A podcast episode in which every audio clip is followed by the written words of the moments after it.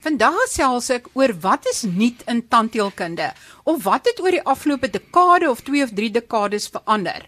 Want skaars 'n paar dekades gelede, as jou tandvleis gebloei het, is jou tande getrek en was valstande jou voorland, of jy het 'n klomp grys amalgaan stopsels in jou mond gehad. Maar nou is dit blou liggies en woeps is die mooi wit vulsels kliphard en netjies gebind en die stopsel is onopmerklik. 'n Gebreekte tand word opgevul en daar's netjiese veneers, vinnige krone en implantate is nie meer vreemd nie. Om uit te vind wat is al die nuwer dinge in 'n moderne praktyk, is my gas vandag Dr JJ Serfontein.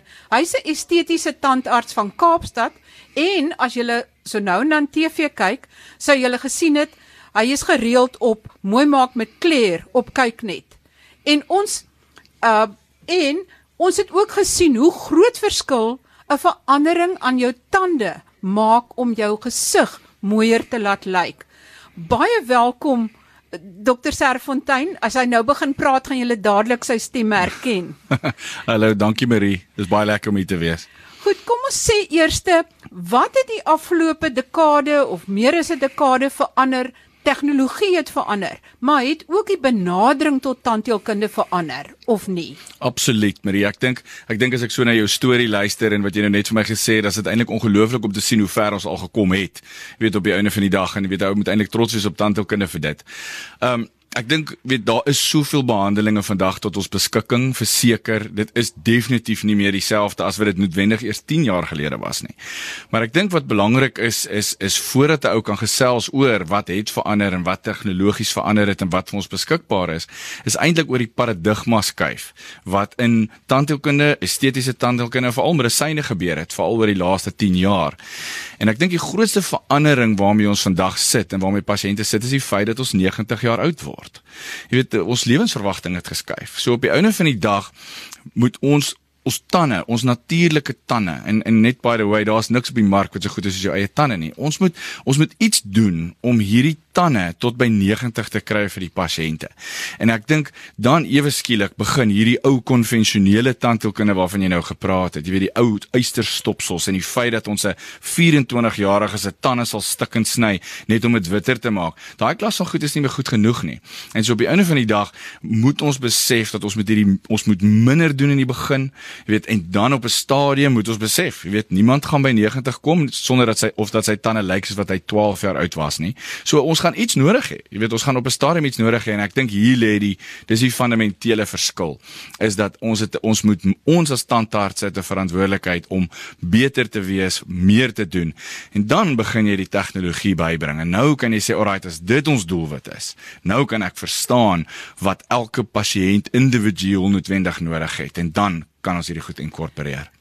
Wil dit sê dat 'n pasiënt op 24 'n ander jy sal daai pasiënt anders benader as 'n pasiënt op 60 en 'n pasiënt op 90. Definitief, definitief. Weet, ons het hierdie verskillende fases nou in ons lewe, jy weet 'n tweede tweede adulthood so to speak. Jy weet so ehm um, definitief. Jy weet ons gaan byvoorbeeld 'n 24-jarige het ons 'n gewoon geweldige verantwoordelikheid om dit te preserveer dit wat daai pasiënt het. Jy weet so met ander woorde ons gaan in plaas van om veneers vir 'n ou te doen of byvoorbeeld hierdie groot krone ensovoorts gaan ons byvoorbeeld vir hulle 6 maande draaitjies gee eerder. Sê luister jy, jy sê jou tande is skeef, jy's besig om hulle skeef af te loop. Kom ons kom ons doen iets wat ons jou eie tande hou soos wat dit is. En dan, jy weet, sit ons op 'n ouderdom van 55, dan kom ons by 60. Nou het hierdie lewe nou al so 'n bietjie sy pad gevat. Jy weet, ons het al bietjie in 'n muur miskien vasgehardloop of ons het dalk op 'n bierbottel gebyt. Jy weet, en die lewe het oorgevat. So nou moet ons op 'n stadium iets begin doen. En nou moet ons kyk na behandelings wat langer gaan hou byvoorbeeld. Jy weet, nou moet ons sê, okay, as hierdie pasiënt op 60 gaan kom en ons gaan moet nou iets doen aan daai mond, moet daai mond dalk nog vir 40 jaar hou vandag. Jy weet, so ons moet ons moet 'n ander benadering hê op daai ouderdom en dan natuurlik as ons by 80 kom. Weet en sê luister die nou het ons dalk 'n goeie 10, 15 jaar nog oor, maar nou is al finansiële implikasies. Jy weet en daar's gewoonlik gesondheidsimplikasies nou. Jy weet 'n dame met osteoporose kan dalk nie nou meer chirurgie kry nie. En dan moet die benadering weer verander. En so elke pasiënt op die einde van die dag het hulle eie individuele scenario en ons moet seker maak dat hierdie ouens 'n goeie besluit maak vir hulle eie gesondheid. JJ, dit klink asof hoewel mense sê estetiese tandheelkunde, dat dit eintlik meer behoudende tandheelkunde is en dat die estetika dan bykom.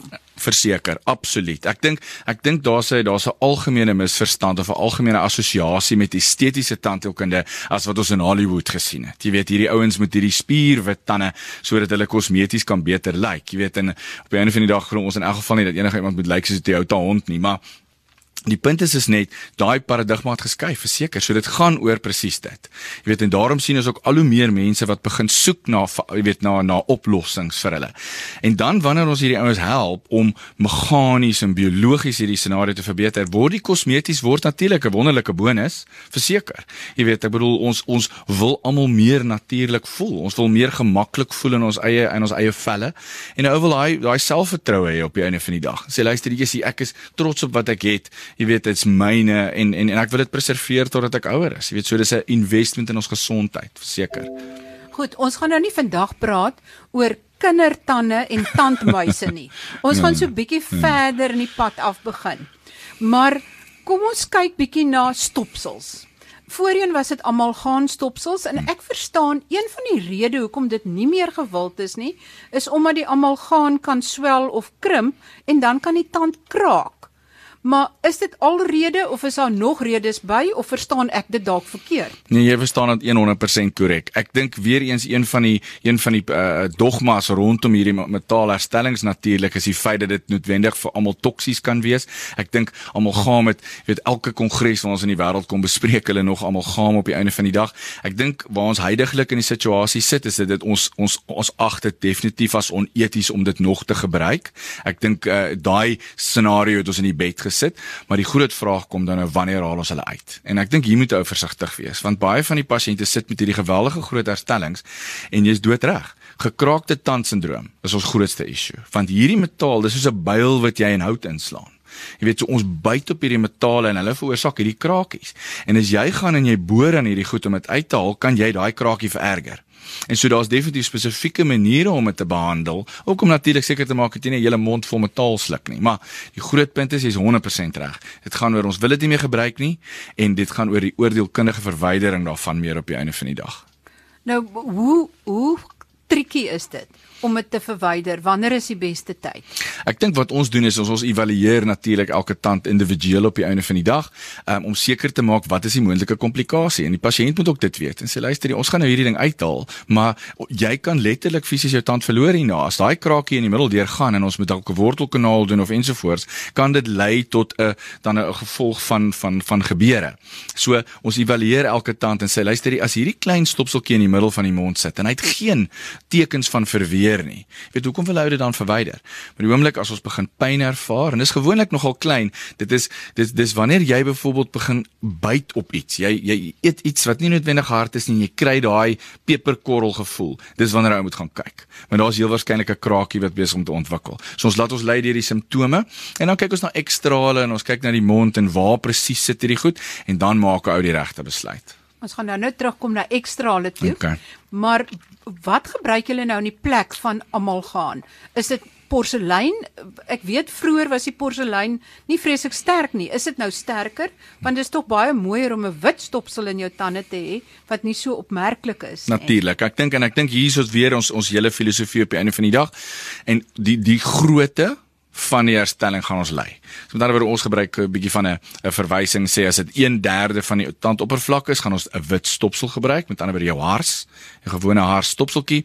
Wonderlik, hy hoef nie noodwendig baie kragte te dra nie, maar hy is natuurlik wit. Jy weet hy lyk dieselfde as die tand ons het 'n kosmetiese voordeel, maar die groot ding is is op die einde van die dag ons wil net die herstelling vervang. As ons egter nou in 'n scenario beweeg dat halfte van die tand al gebreek het, dan moet ons nou gaan kyk na jou wat ons noem oorlegsels of dan na jou tradisionele krone uh op op die einde van die dag. En interessant, jy praat van porselein, dis iets wat ons glad nie meer gebruik nie. Jy weet vir baie jare nie al. En ek dink die probleem met porselein was, al het alhoewel dit 'n mooi herstelling was, porselein is eintlik te bros. Ehm um, dis 'n dis 'n as jy nou dink aan 'n koppie, jy weet in 'n bord. Dit is eintlik 'n baie bros keramiek op die einde van die dag en daarom moet jy baie van dit gebruik. En jy moet 'n klomp van die tand wegsny. Wie daar's 'n hele generasie mense wat sê as hulle kroon het moet hulle noodwendige wortelkanaalbehandeling kry. En dis nie heeltemal waar nie en en en en en dit moet eintlik glad nie so wees nie. So ons gebruik meer moderne keramieke dan nou. met ander woorde wat meer meer van hierdie bytkragte kan hanteer en ons noem die produk wat ons gebruik is Emax of lithium disilicate. So hierdie was keramieke wat ontwerp is vir tandheelkunde. En dit kan nou dunner wees. En is dit wat julle dan onmiddellik daar in die spreekkamer kan hard maak en dat dit 100% aan die tand self bind. Dis korrek. Jy sien so die die die die herstellingkies waarna ons verwys, die kleintjies, die harsies, dis nou met daai blou liggies right? Die klein haars, dis hoekom jy kan jy kan 'n hele tand opbou met dit, weet op die einde van die dag verseker vir 'n kosmetiese rede. En dan as ons voel dat die tand het meer krag nodig, want op die einde van die dag jou haars, jou gewone wit stopsel, kan nie baie van daai krag te hanteer nie en dan moet ons 'n keramiek gebruik. Dan moet ons na die sterker materiaal toe gaan wat dan nou hierdie uh, vervanging van porselein is. Ja, en dan bedoel ons het wonderlike tegnologie vandag. Jy weet ons doen hierdie goede uh, jy weet daai van afdrukke neem en wag vir 11 dae en sulke goede is op 'n einde. Jy weet ons doen dit alles basies in 'n uur en 'n half vir die pasiënt en dan loop hulle uit met daai herstellings. Vertel my dan nou wat jy nou net genoem het van 'n wortelkanaal wat sommige beskou is eintlik die eerste stap voordat jy 'n kroon doen. Is dit nie meer die geval? Glad nie, hoe genaamd nie en ek dink hier het ons 'n baie groot verantwoordelikheid. Dis een van die groot veranderinge weer eens oor daai benadering. Die oomblik wanneer mense wortelkanaalbehandeling doen, verwyder jy die senuwees van die tand en jy verwyder die bloedvoorsiening van die tand. Dit beteken daai tand word dan nou uh vatbaar vir krakies want hy word bros en omdat jy die senuweesie verloor het, is die tand nou eintlik blind. So hy gaan nie lekker, jy kan nie meer lekker voel wanneer wanneer byt ek te hard op jou lyfpit, wanneer kners ek te hard in die nag. En hierdie kombinasie veroorsaak dan dat hierdie tande éventueel almal breek. So maak nie saak wanneer jy 'n wortelkanaal in jou lewe gehad het nie, éventueel gaan hy breek en gaan jy die tand verloor. So, die hele konsep van moderne weet minder uh uh invasive tipe van tandheelkunde is om nie wortelkanale te doen in die eerste plek nie. So ons doen vandag 90% minder wortelkanale as wat ons 15 jaar gelede gedoen het. Deur vroeër op te tree met kleiner behandelinge wanneer ons moet behandel deur meer verantwoordelik te wees as om net te gaan sny. Jy weet in daai tande stikkend met hierdie ou materiale, dis dis die hele punt. Maar was 'n wortelkanaal nie dikwels nodig as daar abses of een of ander ontsteking is nie? Hoe maak julle nou antibiotika? Korrek. Jy's 100% reg wanneer dit dan nou gebeur. En dit gebeur ongelukkig. Jy weet die lewe gebeur wanneer ons dan nou 'n infeksie binne in die tand. 'n uh, 'n tand het, dan gaan ons nog steeds 'n wortelkanaal moet doen. Nou goed, dis 'n baie kontroversiële uh weet 'n subject op die einde van die dag. Um, weet ons is al in, in 'n scenario waar ons glo miskien is dit dalk nie goed genoeg om nog 'n wortelkanaal eers te probeer nie, want soos jy ook uitgewys het, dis die enigste behandeling oor in tandheelkunde wat ons direk met die bakterieë beklei. En soos jy nou weet in die tyd van COVID en goed, jy weet ons hierdie hierdie virusse en bakterieë het al hoe meer weerstandig begin raak. Jy weet so die die bak, dieselfde bakterieë en sy familie van 40 jaar gelede is nou is nou die groot boetie. Jy weet hy sterker, hy het gemuteer. So so ons is besig so half om so 'n bietjie die geveg teen hierdie bakterieë te verloor. So daarom probeer ons dit vermy. So wortelkanale het nog 'n plek, definitief, maar ek dink dit moet oordeelkundig gedoen word wanneer dit gedoen word. En dan die groot ding is om dit te probeer verhoed. Ek dink dis hele punt, né? Nee, dan het ou nie eers hierdie gesprek nodig nie. Ja, hoe verhoed jy dit? Die ver, jy verhoed dit deur gereeld na die by die tandarts uit te kom, seker te maak dat mense dit nie te lank los nie. En ek weet mense is bang vir dit. Ek wil ons hier daai storie weer vertel van 50 jaar terug en ek sien die tandarts toe gegaan het nie. Ehm, um, maar ek dink ek dink daar's 'n kombinasie en 'n goeie verhouding met weet die mondhygiënis wat hy ou sien en die en die en die tandarts is om proaktief te wees, die regte behandelinge op die regte tyd om die tande te beskerm. Dis that's what it's all about. Jy sê van mense wat bang is vir 'n tandarts, maar in die ou dae het hulle jou mangels mos so in 'n tandartsstoel uitgehaal. weet, hulle het dit lomp goed gedoen. Ja. En toe was haar oom met die naam van oom Mangel, want hy het na die eerste mangel uitgehaal is dit hy gesê te hel hiermee. toe loop hy met een mangel. Toe loop hy met een mangel. Verseker, daar's sulke ouens met ons sulke gebreekte tande ook. Goed, kom ons kyk na veneers. Okay. Wanneer waar pas dit in? Het dit ook baie is daar baie vooruitgang wat veneers betref oor die afgelope jare? En hoe vergelyk dit met krone? Waar pas 'n veneer versus 'n kroon in? En hoe werk dit? Absoluut. Ek dink ek dink weer eens 'n baie interessante gesprek want ek dink wanneer mense gewoonlik nog gaan Google, jy weet en hulle kyk na die goed, ek dink die woord veneer of word geassosieer noodwendig met kosmetiese behandeling. Jy weet dit is wonderlik wat ons met hierdie goed kan doen, maar ek dink wanneer ou teruggaan en sê die woord veneer beteken eintlik maar net 'n dun laagie. So die punt hier is is, is dat soos ons vir terug verwys het met die porseleine waar jy 2.5 mm, 3 mm se spasie nodig gehad het en die tand moet stik en sny met hierdie veneers en hierdie met moderne materiale kan ons maar 0.3 mm gebruik. So dis 'n dikse kontaklens. So my punt is is baie keer gaan 'n tand hang af hoeveel skade hy gehad het. Gaan moet 360 grade. Jy gaan jy gaan moet 'n vingerhoed reg rondom sit. Partykeer het hy net 'n halfte nodig. Partykeer is dit net aan die voorkant aan die bytvlak. So ons het dikwels met gevalle van jy weet ses tande wat nie een dieselfde lyk nie. En ek dink dis die waarde daarvan. So ons hoef nie elke liewe tand met 'n stukkie te gaan sny nie. So hierdie materiaal het ons gedryf aan 'n punt waar ons minder hoef skade te doen in die eerste plek.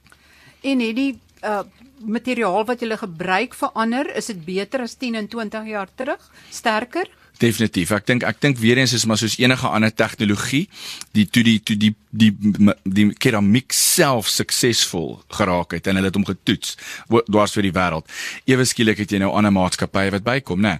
Nou ewe skielik het jy die ouens met die digitale platform wat dit verbeter vir ons om dit vinniger te maak, om dit goedkoper te maak, om dit te verbeter vir meer mense om meer voorspelbaar te maak.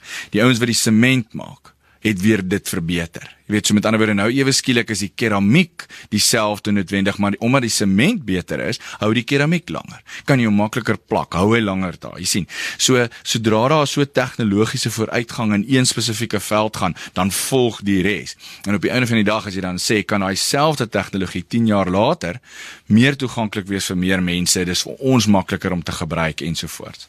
En krone, uh, doen julle nog baie krone? Word dit in baie gevalle nog nood, nodig of kan julle dit voorkom deur betyds veneers te doen? Ek dink ek dink sodra 'n ongelukkige kroon reeds het, kan jy natuurlik nie terugkom nie. Jy weet nou jy kan jy kan vir die, die as jy die ou kroon, die ou metaal dan nou verwyder, kan jy gaan jy hierdie moderne materiale opsit definitief. Ja. Maar ja, krone het nog 'n plek. Jy weet en onthou, want ons sien ook pasiënte wat nie net noodwendig al die tande mooi lyk nie. Jy weet ons jy weet ouens het het hulle halfte van hulle tande al verloor en dan gaan ons meer van hierdie keramiek moet gebruik en dan het krone verseker nog 'n plek. Maar ek dink die idee is net om so min as moontlik skade te doen. Dit so, dit moet die doelwit wees, weet van die begin af. So jy sal die tande afvuil sodat die die gebit beter pas of so. Nee, nee, ons probeer glad nie dit te doen nie, verseker nie, nee, nie meer nie, nee. Goed, en wat van implantate? Wat is die ehm uh, wanneer oorweeg julle dit en wat is die vereistes daar? Ek neem aan daar moet seker goed genoeg beengroei of beendigtheid wees in die kakebeen. Absoluut. Jy is jy's 100% reg. Ek dink hier's twee aspekte hierso. Ek dink dit gaan oor die been self waarna die implantaatjie moet gaan en dan natuurlik die tandvleis. Jy weet die ander weefsel rondom dit's net so belangrik op die einde van die dag, veral in die kosmetiese sone, né? Ek dink implantate self het het geweldig ver gekom oor die laaste 15 jaar. Ek dink die grootste verandering op die einde van die dag is die feit dat hulle nie meer so groot is nie. Jy weet ons het 15, 20, 30 jaar gelede, het was implantate, het die ouens geglo hy moet so groot wees soos die tand. Wie jy moet hom ons vervang. Vandag is daai maar 'n agste van die grootte en die titanium wat is kan hierdie tipe bytkragte hanteer. So onmiddellik beteken dit dat ons moet minder skade op die been doen. Ons het minder been nodig. Maar die ding is is wanneer dit kom by chirurgie. Alrite en ons moet hierdie liggaam moet ons weet ons met hierdie foreign objects ons moet hierdie binne in die liggaam insit wil ons die liggaam se genesing respekteer. So hoe meer kompleks jy hierdie goed maak, hoe meer been jy moet gaan haal op ander plekke en hoe meer tandvleis jy moet kry, hoe meer hoe hoër raak die risiko. Jy weet en hoe hoe groter is die is die is die is die uh, failure syfer, weet op die einde van die dag. So hier het implantate baie ver gekom. Ek moet net bysê daarom dat op die einde van die dag implantate, al is hulle wonderlik, is nog steeds nie beter as 'n eie tand nie. En weer eens, weet so dis 'n wonderlike alternatief as ons nie meer tande het nie of as dit ons tand ongelukkig verloor, maar dit moet nie 'n alternatief wees vir jou eie tande nie. Dit sê ek dink ons gaan ooit daar wees nie. Goed, en wat van tandvleisprobleme, tandvleise wat bloei en so aan? Soos ek gesê het, dit klink vir my in die ou dae het hulle sommer daai tande getrek. Is daar nou beter maniere om dit te behandel? Is dit is daar chirurgie nodig? Hoe hanteer julle dit? Definitief en ek dink hier verwys jy jy verwys na periodontale siekte natuurlik en gingivitis. Eerstens die uh, weet 'n eh, infeksie van die tandvleis as hy tandvleis begin bloei. Ons sê altyd vir die pasiënte weet as jy as jou tandvleis bloei is daar 'n rede vir dit. Weet een van die ander enige goed wat ons sien is is dat mense sal ophou floss en ophou borsel omdat hulle tande bloei, om 'n tandvleis bloei en dit is die veronderstel om die, die teenoorgestelde te wees. Jy moet aanhou floss totdat dit ophou bloei, maar daar's 'n rede vir dit. Maar ek dink ek dink dis een van die grootste redes hoekom ons nog steeds ons tande verloor. Ehm um, is is periodontale siekte. Want jy weet jy kan die mooiste tande in die wêreld hê, maar as die been en die tandvleis gaan, weet daai daai daai uh, ondersteuningsraamwerk rondom my tand dan kom hulle los jy weet en hulle val uit en dan dan moet jy op die einde van die dag moet jy implantate gebruik. So weer eens hier hier is dit is dit dis dis is is 'n stadig progressiewe siekte wat ewe skielik soos 'n sneeubal dan dan vang hy spoed. En dis gewoonlik dan te laat, soos meeste goed in die liggaam, né? So hier is dit weer belangrik dat ou van 'n vroeë ouderdom af met 'n ou se mondhygiënis met 'n ou kyk dat jy dat mens hierdie goed mooi beheer want dit is beheerbaar weet op die einde van die dag. En ek dink daar's weer die kruks. Jy weet, hier is prevention better than cure, verseker. So sal jy sê as iemand Okay, moet floss en tande borsel, maar as hy net een van die twee moet doen, floss. Weet jy wat? Dis dis weer eens 'n baie interessante ges, uh, gesprek op die einde van die dag en ek moet met jou eerlikwaar wees. Ek dink wat ons moet ook prakties wees oor dit goed. Nou en en en ek dink dis weer eens baie van ons uh idees en konsepte rondom behandeling. As jy kyk na veneers en hierdie implantaatstelsels wat ons nou net genoem het. Ons het so half 'n bietjie opgegee op hierdie ouens vlos. Want want ek dink dit is dis moeilik vir pasiënte om die koördinasie te hê nommer 1 weet en dan om 3 keer 'n dag te vlos totdat ons 90 jaar oud is. Jy as ek behandeling gaan doen um, om om en en en en die sukses van hierdie behandeling weet kyk na hierdie pasiënt se vlosgewoontes dan dink ek is ons in die moeilikheid. Maar so my punt hier is is yes. As jy my vra point blank doen albei vlos, borsel, weet ek dis die korrekte antwoord vir dit. Ek dink dwars oor die wêreld het mense dit aanvaar as so so goed is as om om 'n hemp te dra en 'n uh, weet 'n 'n 'n broek te dra en vandag 'n masker te dra. Ehm um, borsel mense ten minste twee keer 'n dag. Dis 'n aanvaarde uh, uh gewoonte wat dwars oor die wêreld posgevat het. So ons ons gaan eerder op dit probeer, weet ons ons aandag skoei. Ehm um, Maar ja, floss is wonderlik as jy dit kan regkry, maar gaan sien die mondhygiënis, jy weet want daar sy help. Jy weet daai is ja. een van die beste weet uh behandeling wat jy eintlik kan kry vir hierdie tipe van ding. En dan gebitte. Hmm. As mense nou valstande het, definitief die mondjie val dan maar in. Dis nou. En met die moderne gebitte is dit maar dieselfde. Is daar niks wat dit kan keer nie? Nee, ek dink ek dink nee nie regtig nie. Dis net die lang en die kort daarvan op die einde van die dag en en ek dink dis weer eens ons vir, ons ons ons ons manier hoe ons hierdie verstaan en dis weer eens die gesprek tussen 'n natuurlike tand en 'n implantaat. Ons het gedink dat wanneer jy die tand het in die been en ons weer die been bly daar en die mond het nog nie ingesak nie. Het ons gedink dat jy 'n tipe van 'n meganiese ondersteuning wat kom van die tand af om die been op te hou. Dit is soos palle maar in die sand, weet ja. wat hierdie ding ophou. En daarom het ons gedink as ons die tand verwyder en ons sit 'n implantaat daarin, die en dan gaan dit mos daar op bly en ons sien dat dit nie gebeur nie. En wat ons toe besef het is is dat dit gaan eintlik oor die klein ligamentjie wat die tand aan die been vasmaak. Nou daai ligament is soos 'n irrigasiesisteem en hy het 'n bloedvoorsiening en hy voed daai been en dis wat dit daar hou. So die oomblik wat jy net die tand wegtrek en die tand uithaal, dan begin die been wegkwyn.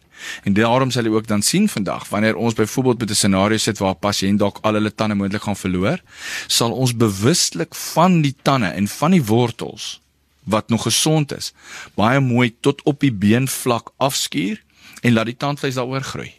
En dit help met ander woorde om te preserveer op die einde van die dag. Ons noem dit partial extraction therapy.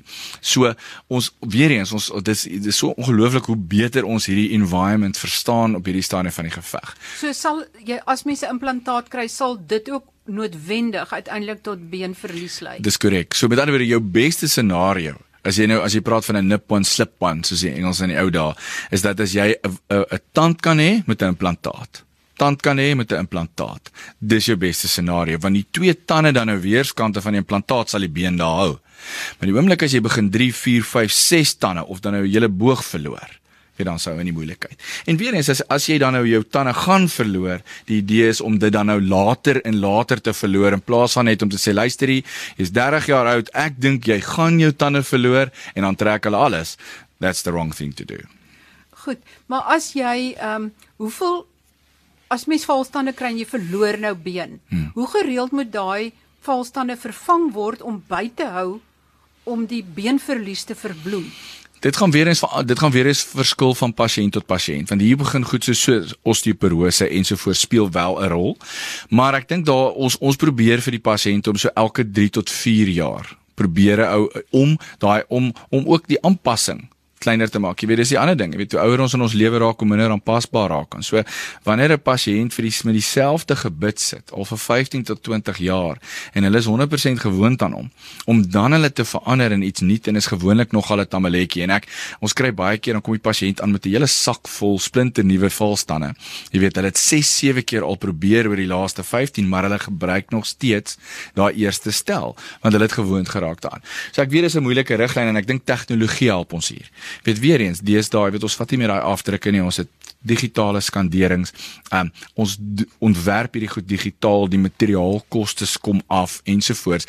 En en om dan te kan hierdie tydlyn plot vir die pasiënt weet op hierdie digitale scans om te sien hoe dit actually verander en dan 'n voorspelling te maak. Jy lê my nou in in die vraag wat ek net nou wou gevra het hmm. en dan ook sekerlik die laaste vraag is ekstrale versus 3D uh, beelde wat jy skep hmm. en wat jy dan op rekenaar kan gebruik om presies die regte tandvorm te skep. Natuurlik. Dit is ek dink dis die heel opgewondenste deel. Dis die dis die wonderlikste deel van 'n era waarin ons lewe.